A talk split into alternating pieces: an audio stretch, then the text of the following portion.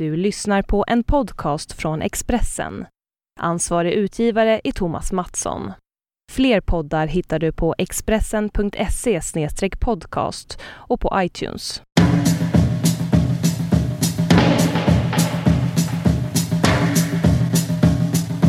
Hej och välkomna till en Varje vecka sin podd med Liv Strömqvist och jag som heter Caroline Ringskog.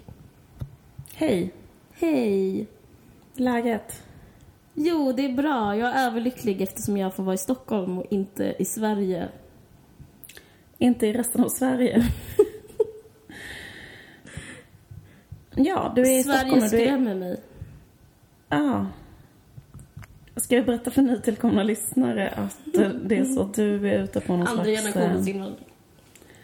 Eh, precis. Du är ute på en, eh, en slags eh, Eriksgata Ja, med Filip och Fredrik. ja det När är ni ska besöka varje ort. Alltså jag måste vara helt ärlig en sekund. Mm. Så jag är så extremt rädd för det här programmet ska mottas. Ah. Programmet som du gör nu med Filip och Fredrik, det här är till, för nytillkomna lyssnare, som handlar om, om par ska... Som jag håller på att göra slut. Just det, men vet du vad jag ska säga en sak? Jag vet inget om det här programmet förutom det du har sagt. Mm. Och du... Men jag tyckte det var en väldigt bra titel. Titeln är Ska vi göra slut? Precis. Det tycker jag jätte... Det tyckte jag väckte intresse. Ja. Men frågan är vad den betyder. Jag skojar. Den är extremt tydlig. Eh, Men eh, den handlar om par som kanske funderar på att göra slut. Men, det, men jag tycker... Varför är du rädd? Ja, men det är problematiskt. Det handlar inte om själva programidén, för den tycker jag är bra. Och det handlar inte om Filip och Fredrik heller. Men jag tänkte på det häromdagen. att så fort man så här leker gud inom situationstecken Ja. så, så vad heter det, det är att look for trouble. ja. Alltså folk hatar ju det. När någon man är så här, jo fast du borde, eller ni borde, eller han borde. Man står liksom inte ut. Det, det, du vet, man vill bara liksom, man vill inte att någon ska vara viktig Petter. Petter. Men är det också att de på riktigt har ett ansvar? Är det du är rädd för? Att det ska bli så här, vad har Ja. ni gjort med de här människorna? Är det den kritiken? Nej. Ja, dels det, för det är också så här riktiga människor. Det är det, det är det som har potential att göra det riktigt bra.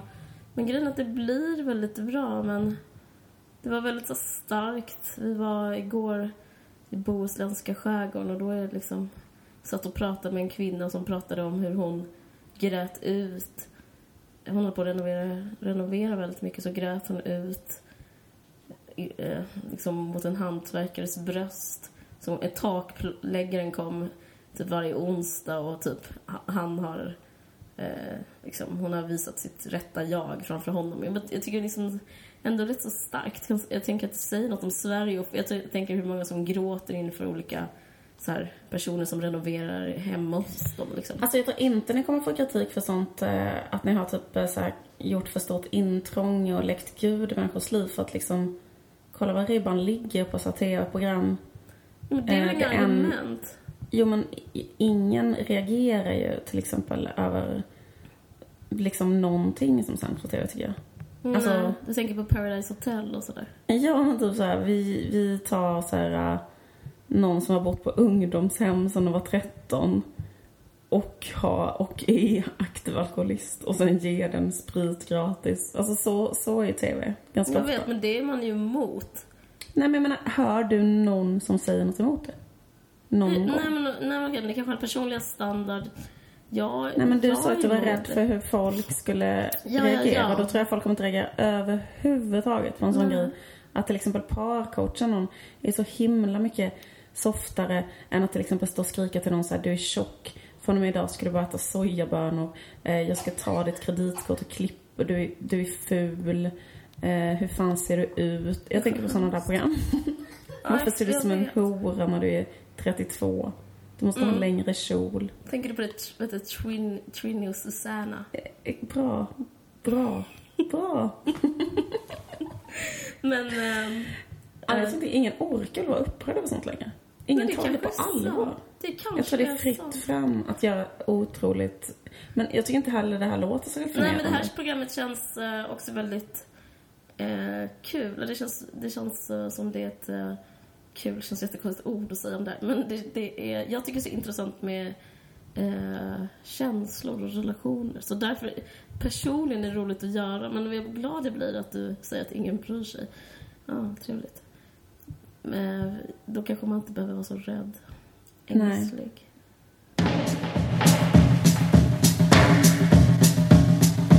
Jag har läst Veronica Eijers nya diktsamling.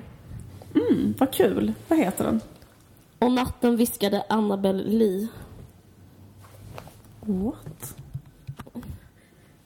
Det är poesi. Deal with it. Jo, men jag bara tycker att det var så olikt eh, hans andra titlar. Vadå natten? Han älskar ju mörker Jo, men natt. Annabelle. Det är inte att jag reagerar på natten i den titeln. Men jag älskar Veronica Eijer vill jag mm. påstå.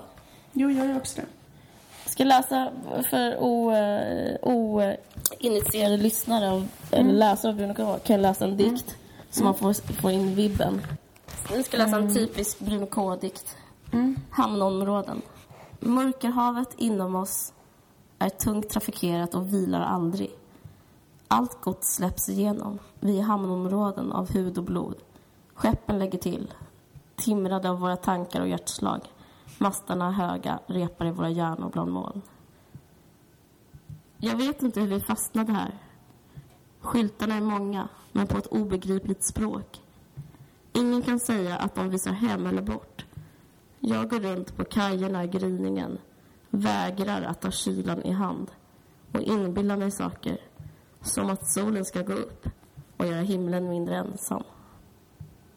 Den här meningen, skyltarna är många, men på ett obegripligt språk. Det tänker jag att så är det att vara ihop.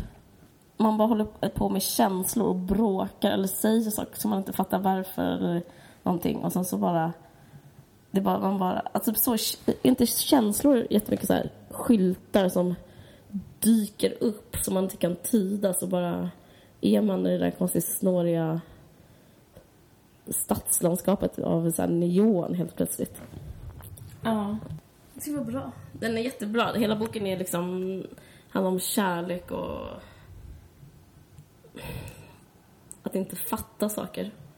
Och, men den handlar också om mycket, det är många dikter om typ med lite så amerikanska referenser. Därför tror jag den hette Annabelle Lee. Natten viskade Annabelle Lee. För att det liksom pratar om typ olika indianer och John F Kennedy och vad fett. Det låter skitbra. det är bra. Jag... ehm, ja, men... eh, han har skrivit en så sjukt fin... Uh, apropå så här... Ja, men dels så här kärleksdikter skriver han så extremt bra. Jag tycker han är rätt så härlig på ett sätt. Han är så jävla folklig. Alltså typ han skriver så ganska lättförståeliga dikter på något sätt. Alltså det är liksom inte alls... eh, Ja, den här, bara ett- en mening. Technicolor. Vi växte upp och frånvan, frånvarande fäder var snarast en lag. Gjordes om till något smärtsamt och vackert som måste avsluta varje film. Helst skulle hjälten dö på slutet, eller tyst, stolt och hemlighetsfull. Rida in i en solnedgång och försvinna. Kvar stod en kvinna i präriegräset och såg efter honom. Håret och klänningen böljade i vinden och han hade inte lovat att kanske rida förbi hennes gård igen. Någon gång i framtiden i ett annat liv. Det är fint. Det handlar liksom om hela vår populärkulturella historia. Att, det, att romantisera frånvarande fäder. Men Jag håller med att det är tydligt. Ja, det är så jävla liksom... Men enkelhet är inte... Alltså, eller liksom så här, det är... Det är så svårt att vara enkel. Ja. För då måste man ha så himla klar tanke.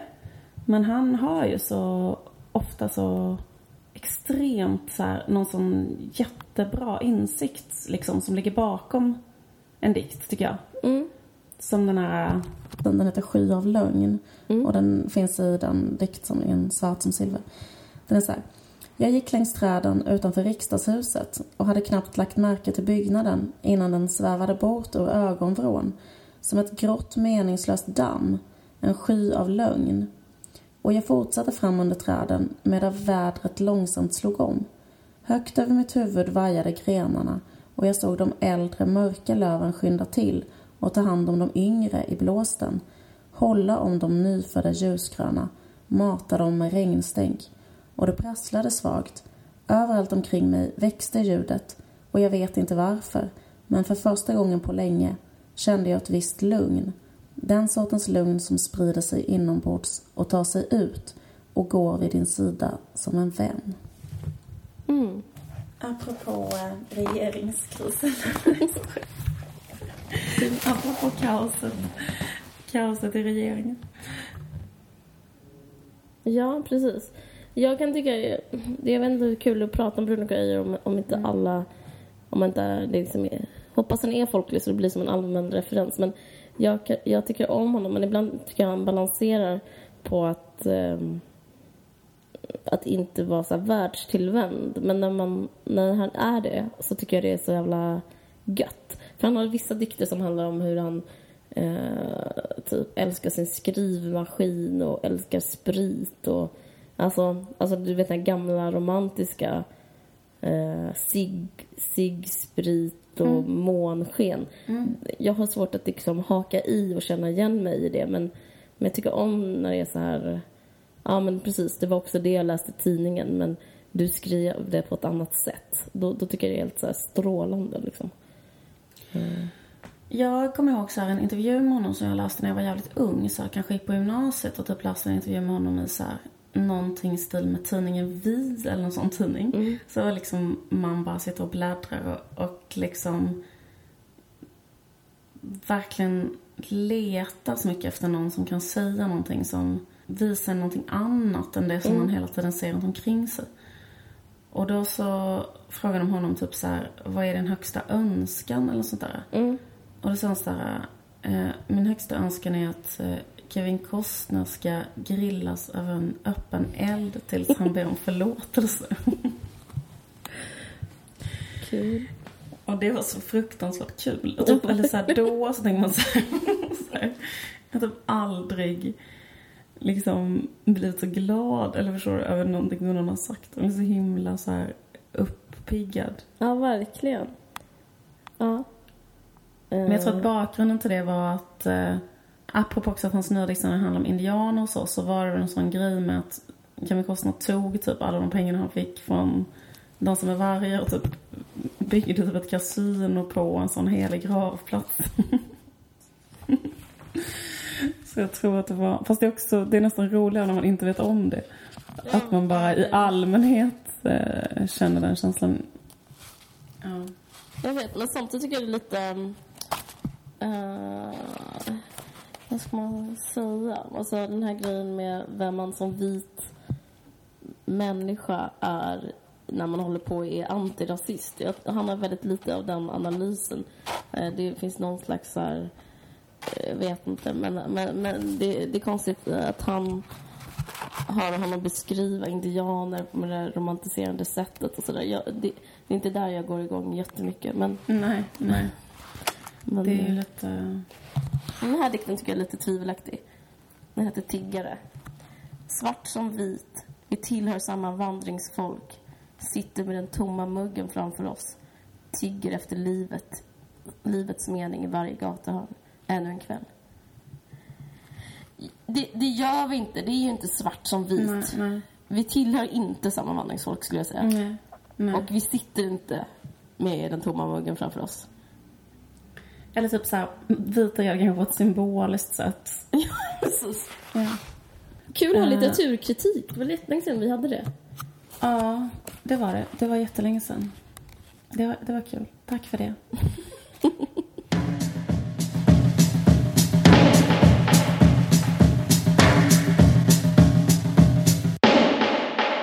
Följer du Camilla Läckberg på Instagram? Nej. För jag har ehm, börjat göra det. Och ehm, jag tror att jag bara gjorde det så först bara så för att jag tänkte så bara, ja men det är bara roligt att kolla på. Mm. Och sen så märker jag liksom att det blir så här Varför är det roligt att kolla på? att hon skriver saker som man tycker är roliga. Liksom. Alltså att skratt, liksom. Har du sett hur det är, hennes Instagram? Jag har det. Jag tycker inte alls sånt är roligt. Ja. Är det, men är det för att jag inte är folklig bara? Eller att jag eh, inte lärt mig? Jag tycker inte det är kul.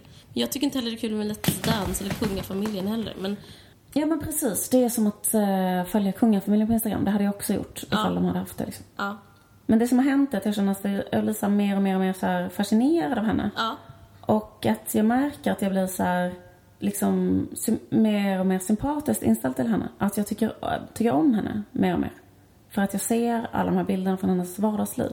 Så liksom från att jag kanske gjorde det som en slags ironisk, eh, ett ironiskt Instagram-följe Mm. så har jag nu börjat känna äkta känslor för henne. Hmm. Att jag känner att hon är så... Um, en här unik... eh, Alltså att hon är en unik människa på det sättet att hon ehm, på alla sätt eh, håller liv i liksom sitt inre barn. Och eh, Mm, lustdriven. exakt. Och hon tillfredsställer sitt barns, inre barns alla önskningar. Mm. Jag tänker bara liksom till att börja med den här grejen att hon så här, äh, tycker också var så fascinerande och imponerande på något konstigt sätt. Att liksom ehm, att hon var gift med en man och sen så gjorde hon slut med honom och då blev hon ihop med eh, för hon var inte alls känd innan. Hon var ju så en ganska alldaglig person som liksom började skriva deckare. Mm. Och sen helt plötsligt hon har verkligen så skapat sig själv på något sätt. Att nu är hon så här jättesmal, har så jätte, jättelång hårförlängning, jättelånga naglar. Och så här, började också med att bli ihop med Robinson Martin. Mm. Alltså, Martin man tänker sig 90 procent av alla svennekvinnor eller helt vanliga kvinnors liksom drömmar om de skulle tänka så här. Vem är snyggast i Sverige? Ja men det kanske ändå var han som vann Robinson första omgången. Kanske det första som skulle komma upp i många människors huvuden liksom. Och då att hon bara genomförde det, att bara drev igenom det, att liksom så här, jag tänker mig att, jag tänker mig att hon är en sån människa som typ gör en sån mindmap, en liten mindmap med typ en målkarta som är så här, vad ska jag vara inom ett år? Jo, jag ska ha fött Martin, Robinson Martins barn. Och så, och så gör hon det. Och sen också inspirerande att hon sen bara dumpade honom. Och nu är hon ihop med liksom en ännu bättre sån eh, barndröm. Nämligen den här superunga Simon Sköld. eh, Simon Sköld, exakt som är så här, eller inte superunga egentligen, han är Nej, 27. 20 Men, Ja, 27. Just det, 26, jag tror han var 26. men han är liksom en, eh, jag tänkte så här, eh, världens sötaste lilla fis fastklistrat på världens sexigaste kropp. Jag, vet, jag tänker att hon är typ som en um, kvinnlig motsvarighet till Hugh Hefner. Förstår du vad jag menar? Att, typ hon, att hon har en sån här... Men så gammal är hon ju inte. Nej, det är hon Hon är väl inte. ändå liksom en het Men, men jag bara menar att, det, att jag, jag tycker också det är inspirerande och fascinerande. Men, men det är också typ the oldest trick in the book om man är en uh, krisig uh, 40-åring och som hela tiden så kanske man blir ihop med någon som är 20 år yngre och sen så när den blir gammal så byter man ut mot en annan så här 27-åring. Att man hela tiden så här keep them coming 27-åringar. Alltså att man Men hela tiden har härlig, härlighet. Man, men man vill ha så här snyggt kött omkring sig. Eh, Ja. Varför? Jo, för att man kan. Jag tror hon märkt att hon kan, liksom.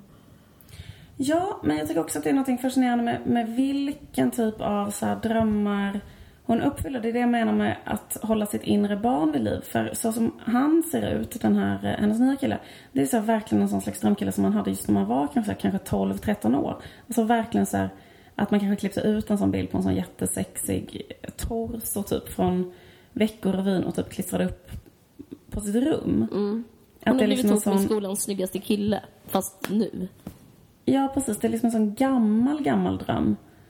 Det är att komma ihåg vad man önskade sig när man var liten och sen omsätta det i praktiken när man är 40. Hade du det är det planscher uppsatta typ med så här A good man is hard to find och så var det så här Nej, jag har inte alls så med- mycket. Med, så här, med en bebis på som typ så här kontrasterar mot perfekta svullna biceps. Vet du vad jag pratar Ja, om? Mm, absolut. Eh, nej, men jag kan inte med, men jag tror definitivt att jag hade liksom en bild på Brad Pitt från uh, Thelma och Louise, eller förstår du? Ja, precis. Att Litet- var litet 12 och så hade man liksom en sån här... Ja, ju- just 12 Mm, sås, Just liksom. 12, eller just 12, 13 Ja, liksom, innan, det blev så, innan det blev så väldigt knullade, töntigt. Liksom. Utan man var så här... Exakt. När man bara, det var liksom en, eh, det var, ingen, det var, ingen, det var liksom ingen, inte i någon extrem form. Det var med att man typ så klippte ut en liten bild på så här, eh, ja men exakt bara någon som var så här hunkig typ. Jag, tror, Det var jag, liksom- men- jag men hade fanns- planscher. Jag hade de där planscherna man kunde beställa. Vi hade så här mysan på högstadiet. Och då var det typ någon sån som lommade omkring. Någon som ville ha planscher. Så beställde man solnedgångar och så beställde man de här stora svartvita jättestora bilderna på män i svartvitt. Men det jag menar är att hon beställer det till sig själv nu, när hon är vuxen och liksom kan, kan göra det i, i, verklighet, alltså för, heter det, förverkliga fantasin eller om man så vill eh, curla det inre barnet på något sätt. Eller vara på att som, skämma bort sitt inre barn på ett intressant sätt. Och också är det intressant tänker jag, alltså, jag såg en annan bild som hon lagt upp som också talar för det här caset. Att, att hon hade typ eh, en, beställt en bil eller gjort en bil så här, till sig själv som hon har designat. Och då är den bilden, bilen så här helt i leopardmönster och så är det så här rosa spets typ eh, på bilen. Ehm, och det är också så här kanske en sån bil som Nej, men jag, jag kommer ihåg sådana uppgifter man hade i bilden. Jag vet inte om ni hade sådana uppgifter men att man skulle så här, typ klippa och klistra ihop i kartong typ hur man ville ha det när man blev vuxen. Och då alla lite så tuffa tjejer kanske gjorde så här just kanske klippte ut en sån kille, en torso och klistrade in en sån liten soffa av kartong, en liten hörnsoffa. Och ehm, klistrade upp liksom leopardtyg. Jag bara menar att det är så här, det är intressant att hon har konserverat den typen av drömmar så intakta. Mm. Att jag tänker att det är samma som man hade verkligen när man var liten. Mm. Jag tycker det är jätteintressant för att det handlar... ehm, för det, det, för man, kan, man, man kan ju inte vara självkritisk. Alltså hon måste ha byggt upp sig själv jättemycket som en supermänniska för att om man... Alltså att eh, hon måste ju sakna självkritik i, i allt det här. Hon gör det liksom utan att utan att hata sig själv, känns det som. Mm, Hon ger sig själv saker hela Hon förtjänar allt. Det är det, det är det hon utstrålar, tycker jag. Hon förtjänar den här 27-åringen. Hon förtjänar en, en, en leopardmönstrad bil. Men jag tycker också att han är så... Alltså jag tänker att han ser ut så mycket som en sån... Mm, fast ännu mer deffad eh, Ken-docka typ. Jag vet, Och sen, men, men det är och sen att han ändå Ja. är, också är väldigt liten. Så han är, eller jag eh, han, han är ju, han är också nästan som en liten Ken-docka. Ja, för han tävlar i den där ganska lätta klassen, alltså en ganska liten person. Aha. Så han är nästan som en liten Ah, men Ken det hemma. vad jag skulle säga. För jag tänker att den tiden av ens liv när man hade det här, eh, de här planscherna och de där, nej, jag har inte gjort sådana där, le- man ska bygga sitt drömhus i framtiden. Men den, det har väldigt lite med, eh, det var väldigt så s- mycket killar med så uppknäppta jeans och bara överkropp. Men, var, Mm. men samtidigt så upplever jag den tiden som väldigt asexuell. Det, var väl, liksom- det handlar liksom inte om porr överhuvudtaget. Det handlar inte typ om kukar. Förstår du vad jag menar? Nej. Jag hade de här männen som stirrade ner på mig i mitt flickrum. Det hade liksom absolut inte att göra någonting... Det var inte så jag upptäckte min sexualitet alls. Nej. Det var bara en slags norm att typ alla hade det, då har väl jag också det. Så, så det, tycker, det tycker jag är lite intressant. För att hon, hon är en vuxen kvinna. Hon måste ju även ha sex med honom. Jag tycker det är så asexuellt med de här eh, deffade typ eh, kampsportskropparna.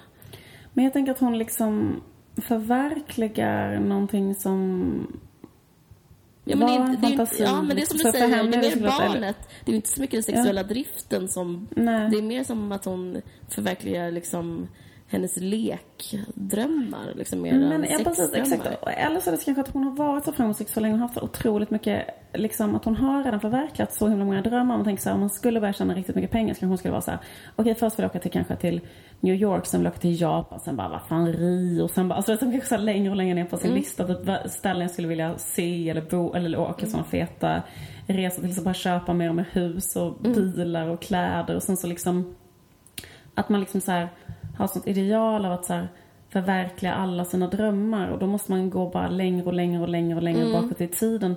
Vad hade jag för drömmar när jag var nio typ? Mm. Eh, och, och förverkliga den också. Och så vad, hade jag för, för dröm när jag var fem? Liksom. Mm, mm, Alltså hon var så här, men nu har jag, det, hon hade också Herreys, alltså hon hade Herreys på sin fest till exempel. Det riktiga bandet. Det är också en sån dröm man tänker att det är ju en dröm man har när man är eller hon måste ju ha haft, hon är den generationen. Hon måste ju ha haft den drömmen när hon var liten. Hon kan ju inte ha den drömmen nu, eller? Nej, verkligen. Nu kan ju inte det vara hennes bästa band. Det var väl det när hon var sju, eller liksom Ja, gud. tio. Jag, ja, precis. Det är liksom en, det är ett intressant livsprojekt liksom. Ja. Men det känns som att känns som hon knäckt någon slags kod för framgång. Eh, jag tror att hon skulle tjäna... Hon, hon skulle kunna aspirera på någon slags Oprah... Hon skulle nu, nog kunna föreläsa och dra fulla hus. Alltså typ hur man lyckas. Liksom, det är bara tanken som är ditt eget hinder och om allt är möjligt. Det, är mycket, det osar ju sånt liksom. Ja. Men, eh, Och det verkar funka Ja. också. Men tror du, vad, vilken faktor spelar dålig smak in? För att jag har också kollat in hennes Instagram lite och hon, allting liksom genomsyras av dålig smak. Jag tror att det är en rätt så viktig grej att inte ha en, ett värderingssystem. Det är det jag menar självkritik. Hon har ingen självkritik men hon har ingen, inget värderingssystem estetiskt heller. Det, till exempel om man ska bli framgångsrik deckarförfattare då kan man ju inte ha till exempel den här den ängsliga kulturarbetarens ingång till litteratur. Alltså hon, har, hon har ju väldigt mycket sådär, har släppt fri, har, har tillåtit sig, har alla slussar öppna och fria. Liksom. Det är till exempel Herreys är ett vidrigt band. Men hon har ju inte liksom en så här en kulturell vuxen människas analys av dem. Hon bara, hon har liksom ingen värdering. Jag tycker det är väldigt speciellt. Och hon har ju inte någon värdering med typ att det är lite wack att hon är ihop med en 27-åring. Hon bara tycker det, hon bara går på Fast lust liksom. Ja, precis. Fast... eh, för det, med det tänker jag så här att det är inte heller... ehm, att det egentligen inte är så jävla konstigt den där grejen. Det är bara för att hon är en kvinna och han är en man. Annars hade ingen överhuvudtaget reagerat av det. Att någon Jo, jag tycker man brukar se ner, man brukar, man brukar ändå, det brukar nog nämnas. Alltså, det nämns. Men det är ju ändå liksom det enda folk gör om du skulle titta på så här 40-åriga män runt omkring dig. Jo, absolut, absolut. Men, eh, men man säger, då säger man ändå han är ihop med en 20 år yngre kvinna. Ja, men hon är ju ändå ihop med någon som kanske bara ändå är 12-åringar eller sånt där. Och då, och, men jag menar, jag menar för att hon ska kunna göra det, då måste hon typ så här levitera. Hon måste typ avskaffa jantelagen, leva som i The Secret. Ja. Vara Oprah. Alltså typ så för att kunna vara så. Men för en, för en vanlig manlig 40-åring så är det bara att leva en, en annan dag i livet. Jo men absolut. Eller? Nej men absolut. Nej men det var det jag sa innan ju. Att, det är liksom, att hon är liksom en sån vanlig karlkris kris som byter ut. Alltså, jag tror att det handlar jättemycket om att hon ville ha typ... Eh, när Martin Melin blev eh, ful så ville hon ha en eh, snyggare version av samma person. Det är ju bara att hon lever som en man liksom. Jag eller att hon lever som Hugh Hefner. Jag tycker inte det är så radikalt förutom att hon är kvinna liksom. Ja. Jag tycker det är någonting som går ändå utöver den där liksom bara genustolkningen. Och det är ett sånt intressant sätt att bara att ge sig själv mega, mega, mega, mega bortskämma si, sin egen inre, kanske nioåring. Ja. Det, var, det är liksom, det, det är väl mest det som jag tänk- tänkte var så intressant. Att göra det. Men jag undrar, tror du att det, att det, att det är en väg att gå? Vi brukar prata i den här podden lite grann. Men tror du att man blir lycklig om man, om man lever så? Alltså att tillfredsställa alla sina drömmar på det sättet. Och, tror du att det är bra? Tror du att hon... Alltså, jag tror det är bra för henne.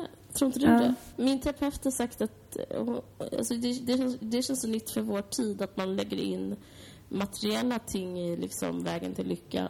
Att, och även typ så här, landstinget gör det. Men eh, min terapeut typ har sagt till mig eftersom nu har jag typ jobbat så mycket och så trött så har hon sagt så här, men du borde unna dig en weekendresa till Paris, sa hon sist jag var hos henne. Och det känns liksom... Gud. Det sa ju min terapeut till mig det första som hände. Det har vi pratat om för jättelänge sedan. Just det, Att det min terapeut sa till mig så här, på en weekendresa till Paris. Ja, det här har hänt på riktigt. Eh, Hon sa så här, för jag var på en weekendresa i Paris med min man. Man bara, jaha. Ehm, ja, men det är säkert jättekul också. Alltså, på, och på det sättet, alltså den enkla matematiken funkar väl typ att ja, men det är gött att ha det gött typ. Och det är väl det Camilla Läckberg har i in absurdum. men då tänker jag så här, då har jag strävat efter fel saker hela mitt liv. Typ. Ja, men precis. Det är det som är så radikalt. Att det handlar inte om så här inre, en in, att älska sig själv och bortom, och som ett evigt värde bortom materiella ting. Utan det handlar typ om att så här, köpa, eh, köpa något fint, köpa något dyrt, eh, resa Mm. något lyxigt. Men det, Eh, det är lite förvirrande tycker jag. Men... Ska vi prata lite om Afzelius eller? Ja, det gör jag.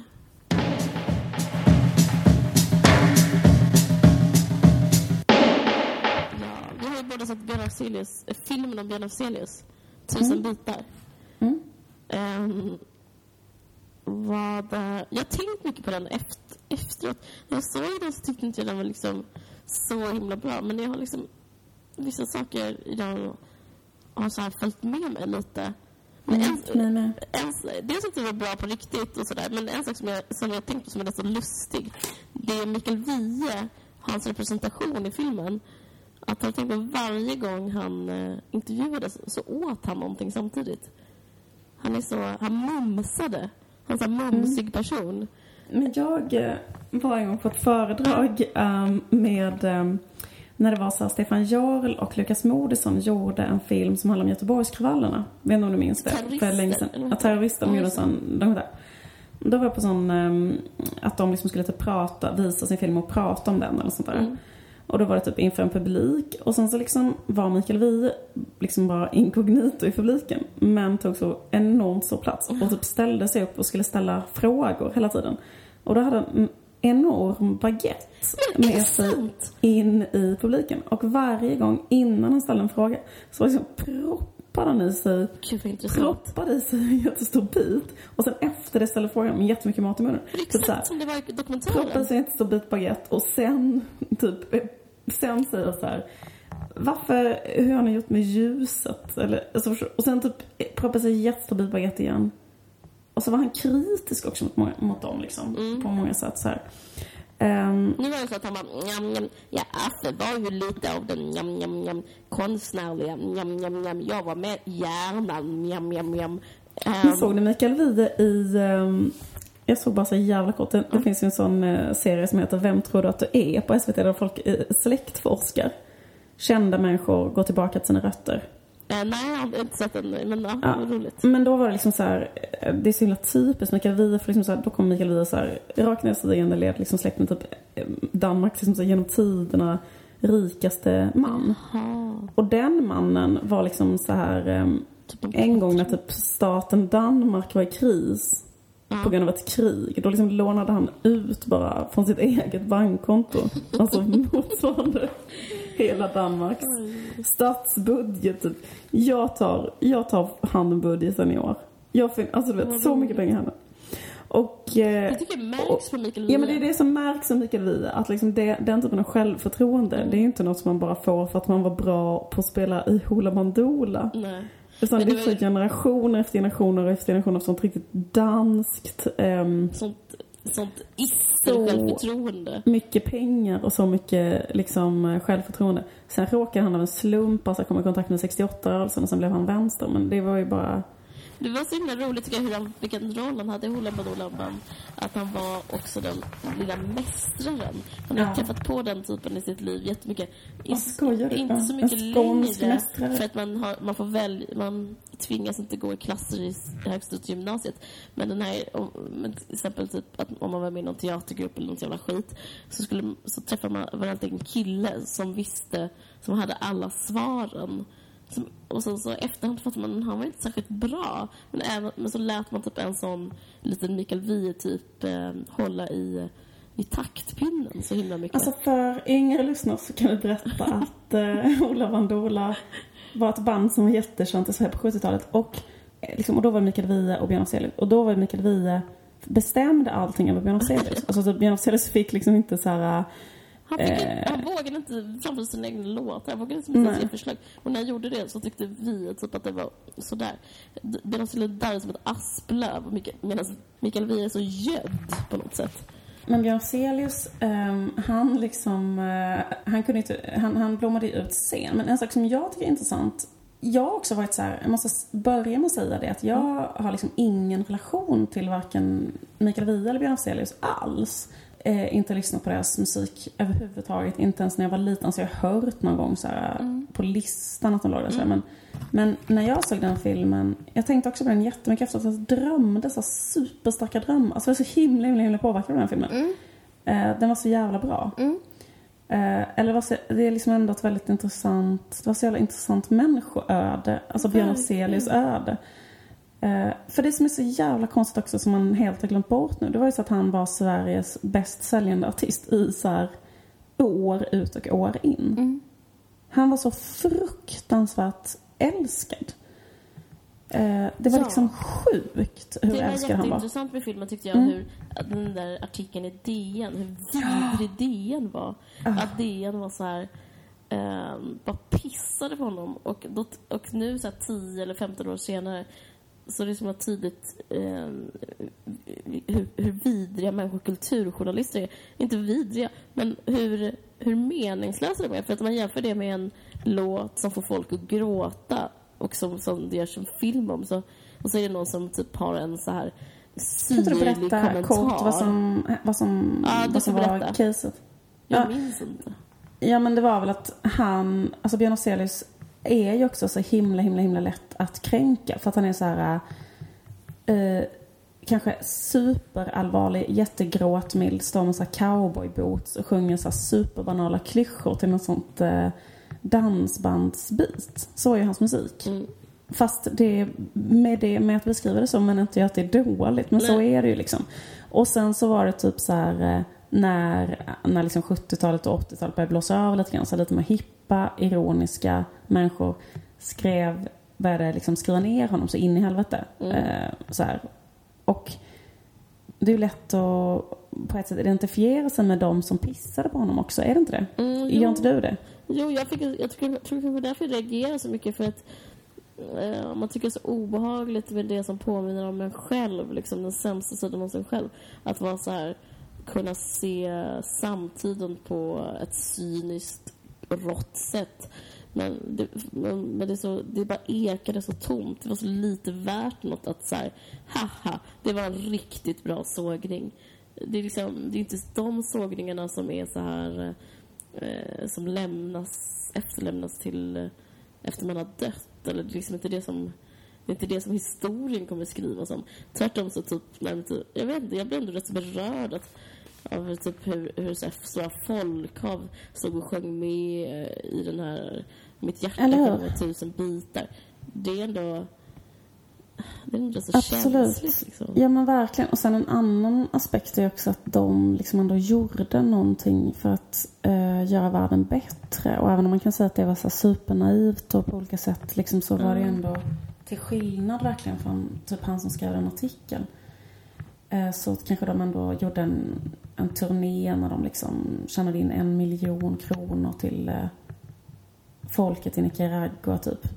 Ja, Och sådana saker. Och det tänker man också så här, vem fan gör det? Eller vet så här, idag. Men eh, det är ändå mysigt på något sätt. Ja men visst är det det. Och det är ju så sjukt också för det var också intressant att ta upp den historien för den blev ju aldrig den, den historien är så dold men det tog de också upp den där filmen för att liksom det var ju en grej i Latinamerika under 80-talet att alla de ehm, eh, att det var, var nästan bara militärdiktaturer där som var stödda av USA. Och att de hade störtat en massa så här eh, folkligt valda demokratiska socialistiska regeringar. Men i Nicaragua så var det liksom ett undantag för de lyckades ta makten, socialisterna, och sitta där.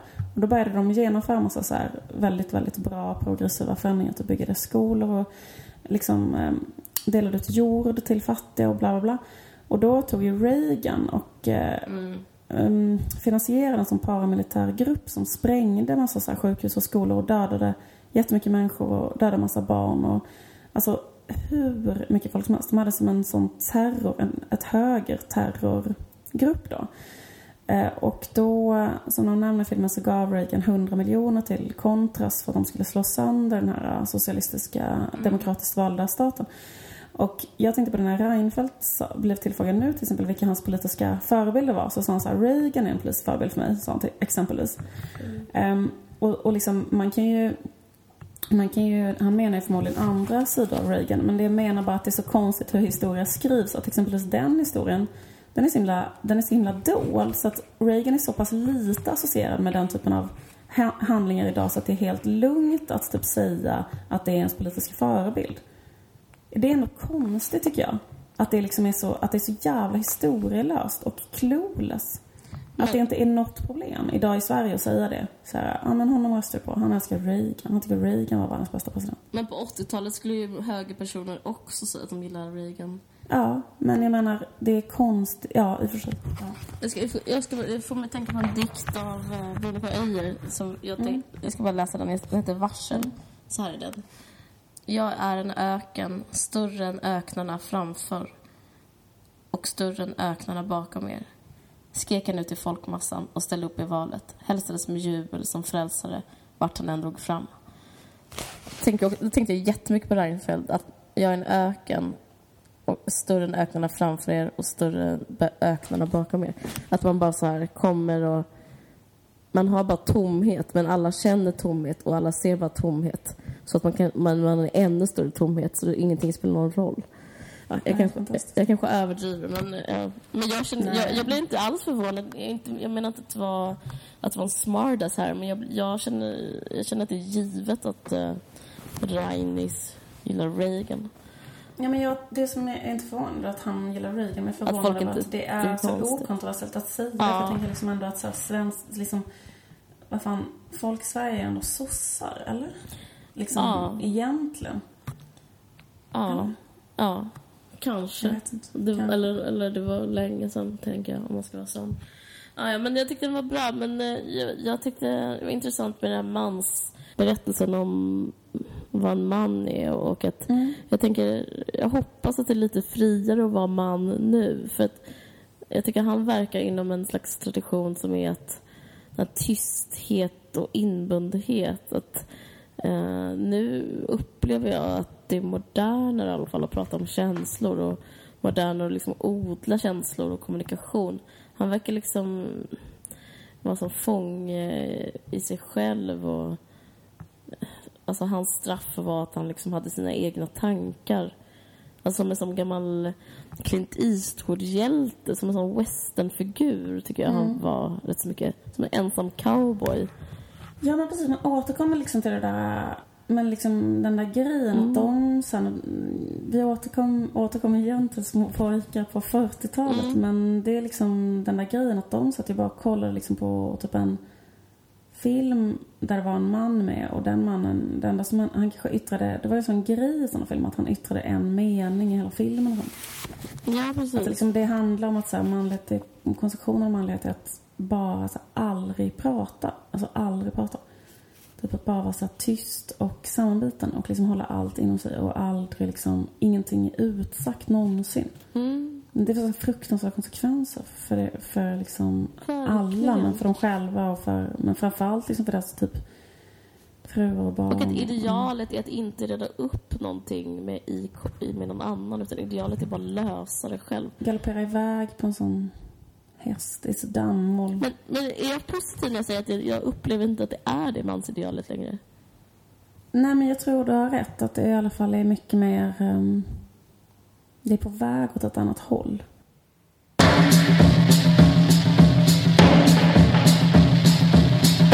Uh, Okej. Okay.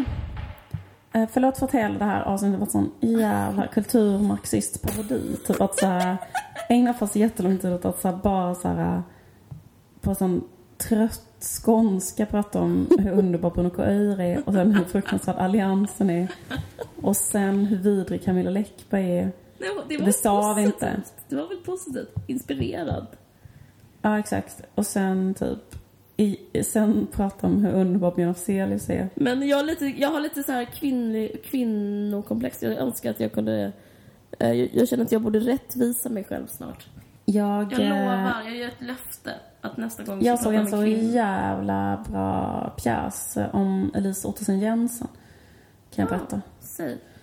Som går på Malmö stadsteater. Men eh, jag tycker det är svårt att säga någonting om saker som bara är så helt fantastiska och bara svinbra liksom. För att, eh, ja men till exempel det är svårt att säga, alltså Elise Ottesen Jensen, hon bara, ja hon typ så här själv liksom gjorde så att vi idag har typ aborträtt, preventivmedel. Ja, förstår du? Hon åkte runt till alla orter. Hon var lite som du Caroline. Fast eh, hon, hon stannade liksom på varje, hon gick av på varje tågstation och höll sådana tal. Eh, som handlade om att hon ville, för det var olagligt med preventivmedel och det var olagligt med sexualinformation och det var olagligt med abort. Och det var liksom, ja. Fy fan vad gött. Det blev på gott humör av. Och sen så typ, men det som är intressant, eller det som är liksom lärdomen, det är liksom att det är det man egentligen vet, men hela tiden måste påminna om att alla de sakerna, det är inte någonting som bara har hänt hand i hand med moderniteten eller så. Nej, det Utan det har hänt, det var en jävla kamp och det var liksom så otroligt. Och liksom Alliansen, Moderaterna har ju röstat mot alla sådana förslag hela tiden. Det är Ja, jättekul visst, att läsa absolut. om. De är supermot allt det. Hon var ju syndikalist och så här asprogressiv. Men hon åkte omkring och provade ut pessar på så här fattiga arbetarkvinnor i liksom, hon blev ju dryga 90 och gjorde det hela sitt liv. Och eh, sen blev hon i och för sig så här svinkänd, hon är ju så globalt känd men hon är ju fortfarande ändå inte, typ står ju typ inte i historieböcker och så. Vem gör den filmen? Vem gör biopicen? Det måste ju göras. Den vill man ju se. hennes lilla syster, hon blev gravid, alltså, i, alltså de levde ju, föddes i slutet av 1800-talet. Och hennes lilla syster blev gravid när hon var 16. Och då tvingade de henne att, tänk dig så här situationen att det finns inte preventivmedel och det finns inte sexualinformation. Så du vet typ ingenting. Så här, hur blir man gravid? Vet. Och sen så är det inte tillåtet med abort. Så då skickade de iväg henne och så tvingade de henne att adoptera bort till barnet. Då blev hon sinnessjuk och satt på ett sinnessjukhus i tio år och sen tog hon livet av sig. Och eh, då hittade de så här en jättestor kista där det var så här jättemånga barnkläder som hon har suttit och sytt, den där eh, lilla systern. För att hon liksom blev helt koko av det. Men jag bara tänker att, att hon så Elise Ottesen Jensen, alltså vad man har för erfarenheter i bagaget för att liksom göra den typen av grejer. Jag tänker sådana människor som Ja. gör den typen av uppoffringar. Att det är så här, ja men då viger jag hela mitt liv åt detta. Det måste vara en sån grej. Hon typ tänker på sin lilla syster. Alltså, det är så, Ja, det är så himla starkt. verkligen.